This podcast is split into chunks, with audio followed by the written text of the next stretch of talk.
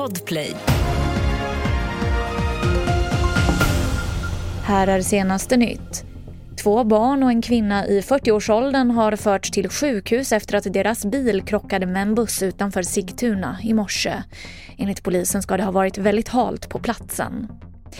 Israels militär, IDF, uppger att man genomförde en militär operation mot terrorstämplade Hamas inne på Gazas största sjukhus Al-Shifa.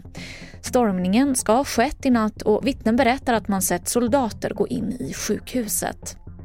Det var en knäckt bärarm under den främre vagnen som gjorde att berg och dalbanan Jetline spårade ur vid dödsolyckan på Gröna Lund i somras. Det här uppger åklagaren och haverikommissionen för tidningen Ny Teknik. Och vi avslutar i Motala där Site Zero invigs idag som ska försöka att göra Sverige världsledande inom plaståtervinning.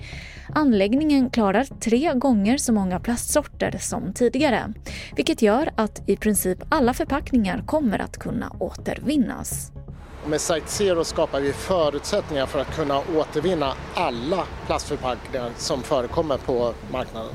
Det som också krävs det är ju att vi samlar in förpackningarna, det vill säga att du och jag källsorterar. Det sa Mattias Philipsson som är VD för Svensk plaståtervinning. Mer nyheter på tv4.se. Jag heter Emily Olsson.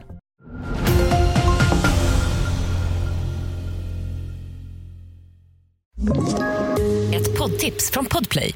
I podden Något Kaiko garanterar östgötarna Brutti och jag, Davva, dig en stor dos skratt. Där följer jag pladask för köttätandet igen. Man är lite som en jävla vampyr. Man har fått lite blodsmak och då måste man ha mer.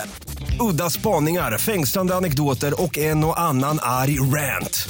Jag måste ha mitt kaffe på morgonen för annars är jag ingen trevlig människa. Då är du ingen trevlig människa, punkt. Något Kaiko, hör du på Podplay. Därför är gardinerna.